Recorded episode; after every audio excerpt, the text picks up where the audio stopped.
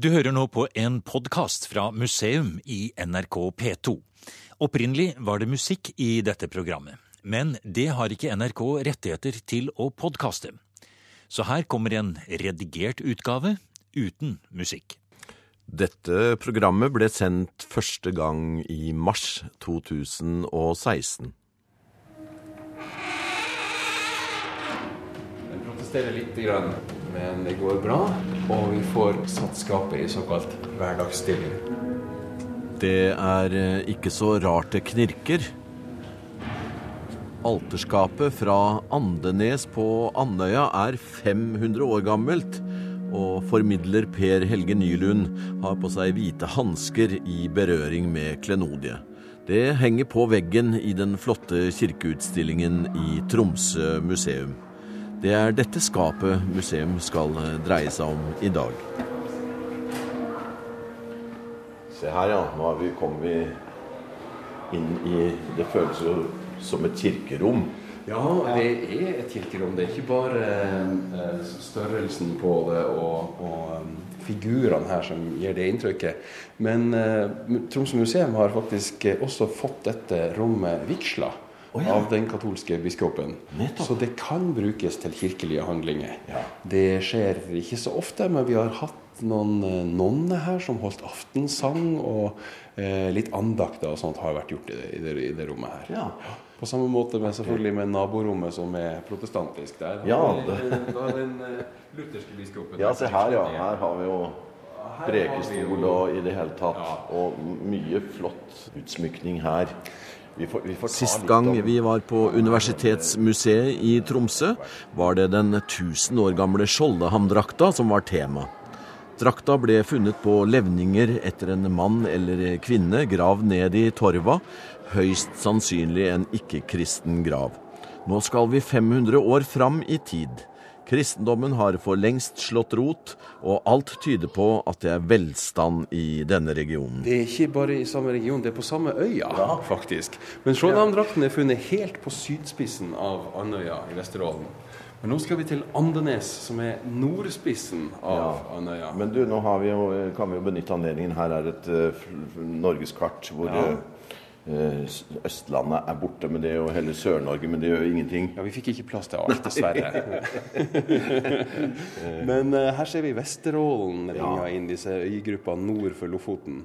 Med de store øyene, med først og fremst Langøya og Andøya som de store øyene. Og Andøya som stikker eh, ut i, i havet. Ja. Lang og smal, og eh, for det meste veldig flat. Her er det jo veldig store myrparti. Men på nordspissen av Andøya, der man egentlig skulle tro at det var minst interessant for folk å bo, for det er den mest værharde Ja, det vil jeg tro. ja, der ligger Andenes. Og Andenes eh, var i middelalderen faktisk det største stedet i hele Nord-Norge. Der var det virkelig både eh, rikt fiskeri, man hadde folk som bodde der fra mange forskjellige nasjoner, vet vi. Man hadde selvfølgelig sin, sin egen lokale handel, eh, og så var det jo ikke minst et kirkested når Andenes er et så stort sted, og de kan skaffe seg så fin kirkekunst, eh, så ser vi at vi har hatt et 1400-tall med veldig eh, høykonjunktur, med gode tider for Nord-Norge. Så denne skapet er med på å, å bryte ned det som kanskje senere kan ha blitt en myte om det, det, det fattige Nord-Norge i middelalderen. Det var nok ikke tilfellet før eh, senere utpå historien. Ja, Rommet som vi kommer inn i er nokså lite, som mange middelalderkirker var. Men vi har tre alter. Et hovedalter midt foran, og der står dette skapet fra Andenes. Um, og det er jo nettopp et, et skap. Um, midt på et uh, parti der det er satt opp fire utskårne figurer. Og så har vi dører på, skapdører på hver side, ganske enkle, flate dører, men med veldig fine maleri som jo er fra, fra bibelhistorien, ser vi. Det med å være påskeevangeliet som fortelles der. Både kostbare farger og, og kostbar forgylling var viktig eh, på en måte for å eh, vise ære til Gud. I, Ja. i, eh, ved å vise at man hadde kostbare materialer og fint utforma ting. Sånn at det skulle være viktig i seg sjøl for at eh, Iallfall mange steder for at selve ritualet skulle bli mer effektivt. Iallfall enkelte steder så mente man det, da. En uh, ny stemme er kommet til. Det er kunsthistoriker Rognald Heiseldal Bergesen ved Universitetet i Tromsø. Eller så, når man kom inn i et rom der det spesielt var mye forgylling, som man ser især når skapet står åpent, at de eh, figurene da er forgylt, så eh, ville skapet få en sånn nesten vibrerende effekt til de stearinlysene som ja, lyste. Ja. Og det vil òg eh, få en ulik type effekt eh, alt etter som eh, hvordan lyset var utenfor. Og, og, hvis man lukker igjen skapet, så er det vel ikke forgylling på utsiden av skapet. Nei. sånn at da vil man kunne si at når man åpner skapet, så åpnes det til en mer høytidelig del eh, enn det var tidligere. Det er jo òg sånn at den skapet som åpent blir kalt eh, eh, feststilling. Mens når det er lukka, så blir det kalt eh, hverdagsstilling. Akkurat. Ja, det er som nesten å åpne inn i bestestua, som ja, vi gjorde i gamle dager. Med portier. Ja. Jeg kan til og med huske det. Og Samtidig så kan det òg eh, ligne veldig mye på sånn middelaldersk, allegorisk eh, symbolikk som dreide seg om at uh, innenfor et ord, eller bakenfor et ord, eller bakenfor en ting, så, så skjulte det seg en høyere virkelighet. Nå skal vi gjøre noe som du egentlig må være ha teologisk embetseksamen for å gjøre. Nemlig å, ja, du har tatt på deg hvite hanske, i hvert fall. Ja, for vi skal se på bildene på utsida av skapet. De er enda mer interessante enn dem som er inni. Nå får vi se om disse gamle hengslene vil være med oss i dag. Det pleier å gå ganske bra med den venstre døra der. Den høyre er litt mer kranglevåren. Der.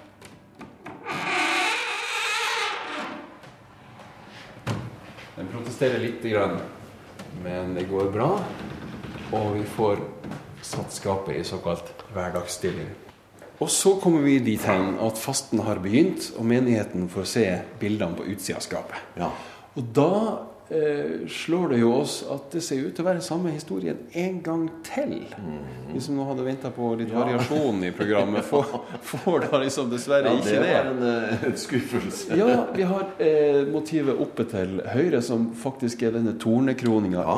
Helt maken. En mann som eh, sitter ned. Han får tornekrona pressa ned på hodet av to soldater som bruker noen slags stokker. Og så er det to litt finere kledde herrer som står og ser på dette her. da vi har også en scene med en mann Han blir tydeligvis slått. Nettopp. Uh, og så er det en der den samme personen sitter på en fin tronstol og får et septer mm. i handa. Det ser jo veldig elegant ut. Mm. Men han er naken, og han har tornekrona på seg, og han blør, så det er nok ingen hyggelig situasjon, det heller. Og til sist så er denne karen eh, hengt opp på et kors, og det står fire igjen eh, maktpersoner, fire herrer, og ser på. Eh, bildet. Det som slår oss der, er jo at han er ikke spikra fast på det korset. Han er, er knytt opp med ja. mange solide reip. Ja. Ja. Museum er på Tromsø museum, hvor vi studerer et alterskap som menigheten i Andenes kjøpte inn omkring år 1500, trolig fra Hansabyen Lübeck i Nord-Tyskland. Det er formidler Per Helge Nylund og kunsthistoriker Rognald Heiseldal Bergesen som viser og forteller. Det som skiller dette skapet fra alle andre kjente alterskap fra den tiden, er at det er pasjonshistorier både på utsiden og inni i. Så her blir jo spørsmålet som forskerne og mange andre har stilt seg, hvem er dette her? Hva er det som foregår på utsida av dette skapet? For personen, hovedpersonen som er med, han er jo blond. Han har lyst hår og skjegg. Mm. Og han har ingen glorie. Nei. Det har jo Kristus inne i skapet. En, stor, en, en sånn nimbus som ser ut som en gulltallerken bak hodet. Men her er det ingen glorie i det hele tatt. Nei. Og det er jo litt merkelig. Kan det være, har man tenkt, at dette er et teaterstykke? At det er sånn som man gjorde i middelalderen. Man lagde et pasjonsspill. Ja. At eh, hele menigheten var med å dramatisere mm. stykker fra bibelhistorien. Mm. For det er klart Når man da kommer så langt at man skal korsfeste, så kan de jo ikke ta livet av den stakkars skuespilleren. Nei. Men han kan jo knytes opp på det korset sånn for ei kort stund, så man får eh, frem poenget. Ja. Det kan det jo kanskje ha vært. Eh, det trodde vel også mange kunsthistorikere at måtte være forklaringa. Fram til eh, Faktisk helt fram til 1980. Eh, skapet kom jo til Tromsø museum i 1876. I 1960 flytta vi inn i dette bygget, og da ble mm. skapet restaurert, og man begynte å interessere seg for bildene, og det ble skrevet litt om dem. Og så kommer en svensk kunsthistoriker som heter Patrick Reutersverd, uh, og som jobber med det her da, på slutten av 70-tallet. Ja. Og han eh, gjør grundig arbeid. Han reiser til Tyskland, og der finner han et helt fantastisk manuskript. Så nå tenkte jeg at dere kunne få høre litt uh, platt-tysk. Um, og er jo min platt-tysk kanskje ikke så god som den skulle være. Men vi har noen korte utdrag fra den teksten.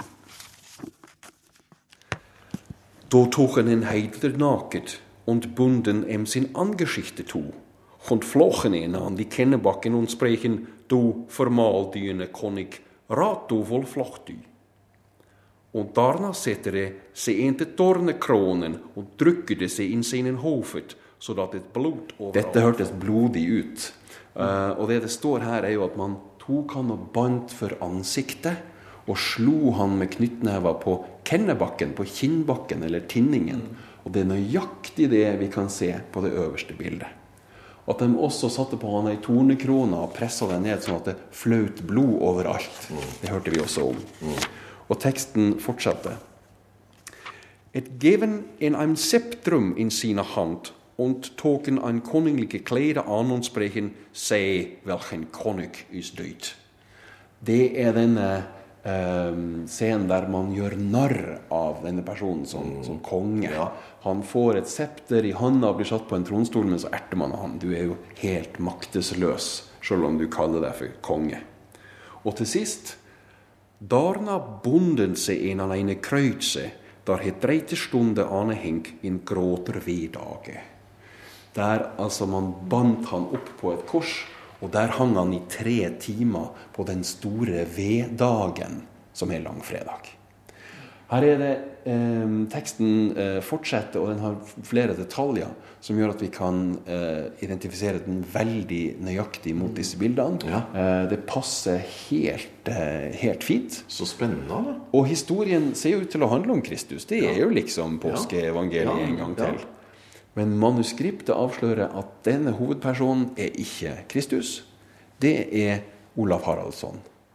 Kong Olav av Norge, som vi etterpå har lært å kjenne som Olav den hellige. Dette er måten Olav den hellige døde på, nemlig. Han ble tatt til fange av Knut den store av Danmark, England og mhm. Sigurd Jarl. Han blir torturert, og så blir han korsfesta, og så dør han på korset på Stiklestad den 29. juli i 1028. Så altså, slaget på Stiklestad, det kan jo bare gå hjem og legge seg.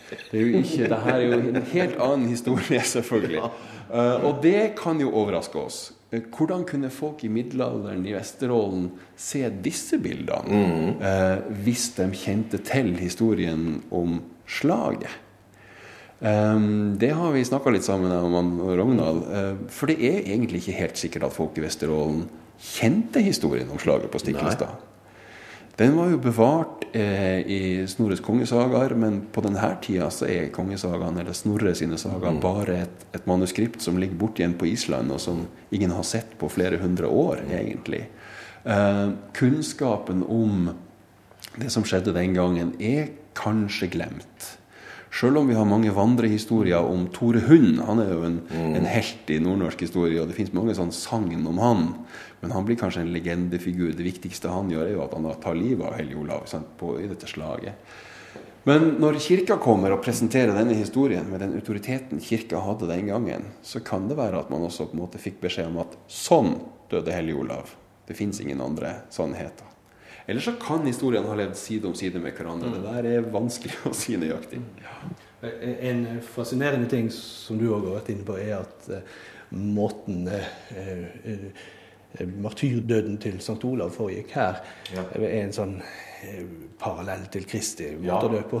Og det er jo òg at helgenene var helgener, iallfall martyrene, ved at de eh, imiterte Kristus. Mm. At de var imitatio Kristi.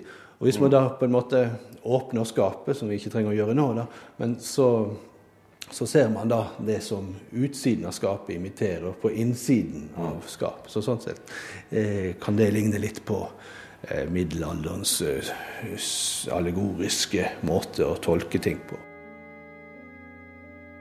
Jeg ser for meg da bestillingen ned, sikkert i noen dokumenter. Mm. Tyskerne skriver jo alt ja, ja, ja, Alt. Og, og, og, så utføres arbeidet, og så pakkes det vel inn da, på et eller annet vis i en trekasse, eller, eller, i deler som kanskje settes sammen? Det har nok kommet i en, slags pakkasse men den siste delen av ferden oppover til Andenes, så kan jeg tenke meg at det lå rett og slett i lasterommet beskytta av f.eks. løst korn. Ja. Eh, så det skulle ligge støtt og stødig, og også i et materiale som ville absorbere fuktighet. det er jo absolutt en, en, fare å seile skip med last oppover langs ja, eh, Ja, For det er vel lasta i Bergen, må vi anta? Det må nok være det.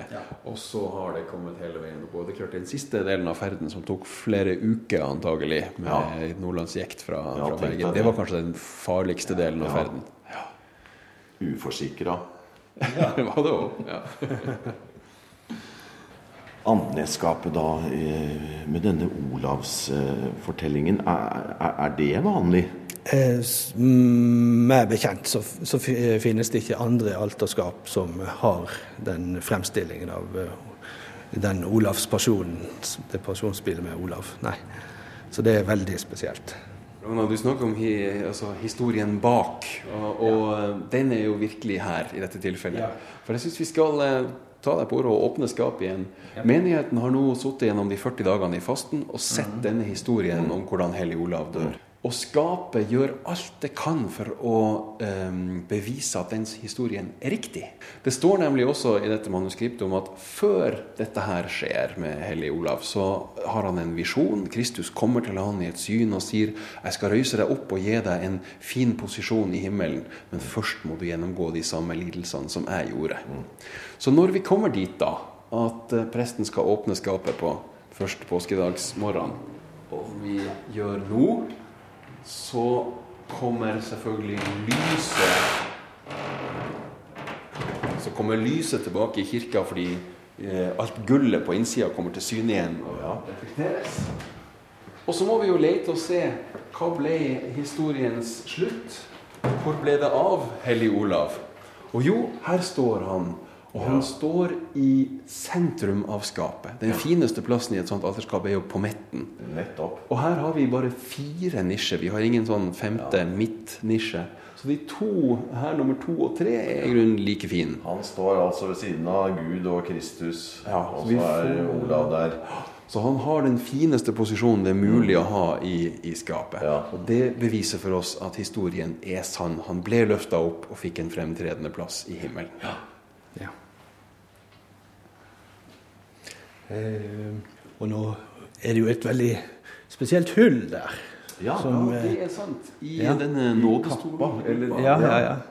Nederst på, eh, ved, ved ja. på Gud Faders kappe her. Det er ikke bare en kvist som liksom Nei, nei, det kan jo se sånn ut, men Det skjer jo av og til at det går kvisthold ut. Men ja. det, det, her er jo et alterskap som er lagd av folk som virkelig kunne kunsten. Og, så det er nesten rart om de skal ha tillatt dette kvist å være der. Da jeg så det her holdet og begynte å jobbe med det, så gikk jeg i museets arkiv. Den første beskrivelsen som museet trykte av denne alterskapet, er fra 1907. og Da er det gamle eh, konservator Nikolaisen som beskriver det hele. da. Nettopp. Og Han skriver at eh, ved Faderens føtter sitter en liten kvinnelig figur, der formentlig forestiller en engel. Jaha, det ja. gjør det jo så absolutt ikke jeg. Og da kommer vi inn på den moderne historien som dette alterskapet har gjennomlevd. For det kom altså til, til Tromsø der i 1876. Ja. Går inn på museet, blir utstilt, eh, blir beskrevet og jobba litt med. Så, så, står det der. Og, mm. Eh, men så kommer andre verdenskrig. Den tyske okkupasjonen. Ja. Og Tromsø museum er et av de største og fineste byggene i Tromsø. Og ganske snart så bestemmer okkupasjonsmakten at det huset skal vi ha. Så Tromsø museum blir rett og slett bare rekvirert, og museet får beskjed om at dere har eh, ei uke på å pakke vekk samlingen. og gjøre ja, rommene klare. Ja, i hvert fall. Ja. Mm. Uh, og vi var jo på museet den gangen selvfølgelig ja. redd for at spesielt denne kirkekunsten, som jo er laga i Tyskland, Ja. skulle bli ført tilbake til Tyskland. Nettopp. Så da måtte ting pakkes i hui og hast. Det ble pakka i kassa. Vi fikk hjelp av uh, lærerskolestudenter uh, som eh, hjalp oss med det. Alterskapet og all annen kirkekunst ble sendt på ei fiskeskøyte innover i Balsfjorden. Og det hele ble lagra litt på en låve og under høyet. Og som du vet, sånne, vi kommer med noen kasser, ikke spør, bare, bare gjem dem der. Og, ja, sånn. og det gikk riktig godt. Eh, Museet fikk alle samlingene sine tilbake, og vi mista ingenting. Bortsett fra kanskje en liten kvinnelig figur der formentlig forestiller en engel. Eh, For den var borte. Men det viser seg at det var eh, ikke så, ikke så galt. Det var vi på museet sjøl som nok hadde rota i denne pakkeprosessen. Ja. ting skulle gå fort. Jeg. Så i 1983 fant vi en liten englefigur i vårt eget magasin. Det er kanskje ikke så ofte man gjør, men vi skal ikke noen. Noen holder på med det, men- panel, og så skal vi bak den skjulte døra. Det det er bra at det her er radio, for jeg pleier ikke å vise det til publikum. Men her finner vi altså ei trapp. Oi, skal vi se. litt lys her, og så skal vi ta oss opp denne trappa. Nå må vi ta et kjempestort steg opp her. Så skal vi se. Jeg bruker knærne, jeg tror. Jeg er blitt såpass gammel at Oi, oi, oi. Oi, se her er det en flott samling med, med båtmodeller. Ja, vi kunne lagd et helt program her også, men det hadde vært Ja, upraktisk det- med alt som er Her er det den korsfestede bak deg her. Ja da. Vi skal snike oss rundt en av de aller eldste gravmonumentene vi har fra Nord-Norge. I tre? Vi skal hilse så vidt på Hvor gammel er den? Ja, 1500-tallet, tror jeg. Oi, oi, oi. Vi har Hellig Olav fra Sand kirke i Bjørkøy som står her. Det er en ja. 12 1200-tallsfigur. Men nå ser dere at bakom her står det ei lita eske med nummeret Tilvekst 1983-10 TSK 203. Tilhører altertavle TSK nummer 9. Og det er Andenesskapet. Så hvis vi nå tar oss ned igjen, så skal vi prøve å sette den her på plass. Den var jammen liten og yndig, nå. Skal vi se. Vi skaller ned lamper og det som er. Vi er eh, nede igjen i museets lutherske kirkeavdeling med den lille kvinneskikkelsen. Ja, eh, nå skal vi se, da. Da er det på med hanskene igjen. Ja, For nå har vi altså funnet en liten figur som da etter sigende skal passe i dette holdet. Og her kommer den opp fra eska si. 15 cm kanskje. Ja. Fint utgår en Ja, kan godt være en ung dame med krøllete gyllent hår og en kjole som er, også er helt forgylt. Ja. Vi ser litt grønnfarge her, men Ja, det det. tror jeg egentlig er sånn grundering som lå under. eh. Og når vi sniker oss bort her, ja Får plass til deg, Ragnar, Ja. også, ja. Så ser vi den her pinnen i ryggen, eh, som er sånn 6-7 cm lang. Den er også skåret ut, og det er eiketre, det også. Ja. Eh, den er litt kantete. Um, og saken er at når vi nå forsøker å stikke den inn i dette hullet Ja. neder på Faderens kappe vi ser sånn Når vi kommer til et visst punkt, så går den ikke lenger. Nei. Og, Men har den vært lenger inne? den har det, fordi Ja. nå begynner disse kantene å oppføre seg ja, som en nøkkel. Ja, se der, ja. Og plutselig Oi. så bare faller den helt på plass. Fantastisk. Akkurat altså. sånn skal den Det være. var jo interessant. Så jeg tror Ronald, vi kan være enige om at den, den posisjonen der må være den riktige. Ja. Vi må gå litt på avstand og, og se Ja. eh, et, det hele og fulle skap nå. Men det, vi kan se at den strekker ut sin høyre arm Ja. og løfte den liksom opp mot Kristus. Kommer jo ikke høyere opp enn kneet omtrent. nei, nei. Men uh, det er riktig posisjon for eventuelt å holde en kalk. Den kan rett og slett ha holdt dette begeret som nattverdsvinen skal serveres fra, som jo er Kristi blod. Og det kan til og med ha vært uh, kanskje rødmalte ulltråder festa fra eh, sårflaten i så, sårene i hendene på Kristus. Som fyller kalken. Med Jesu blod, ja. så vi helt klart ser at det er det som skjer.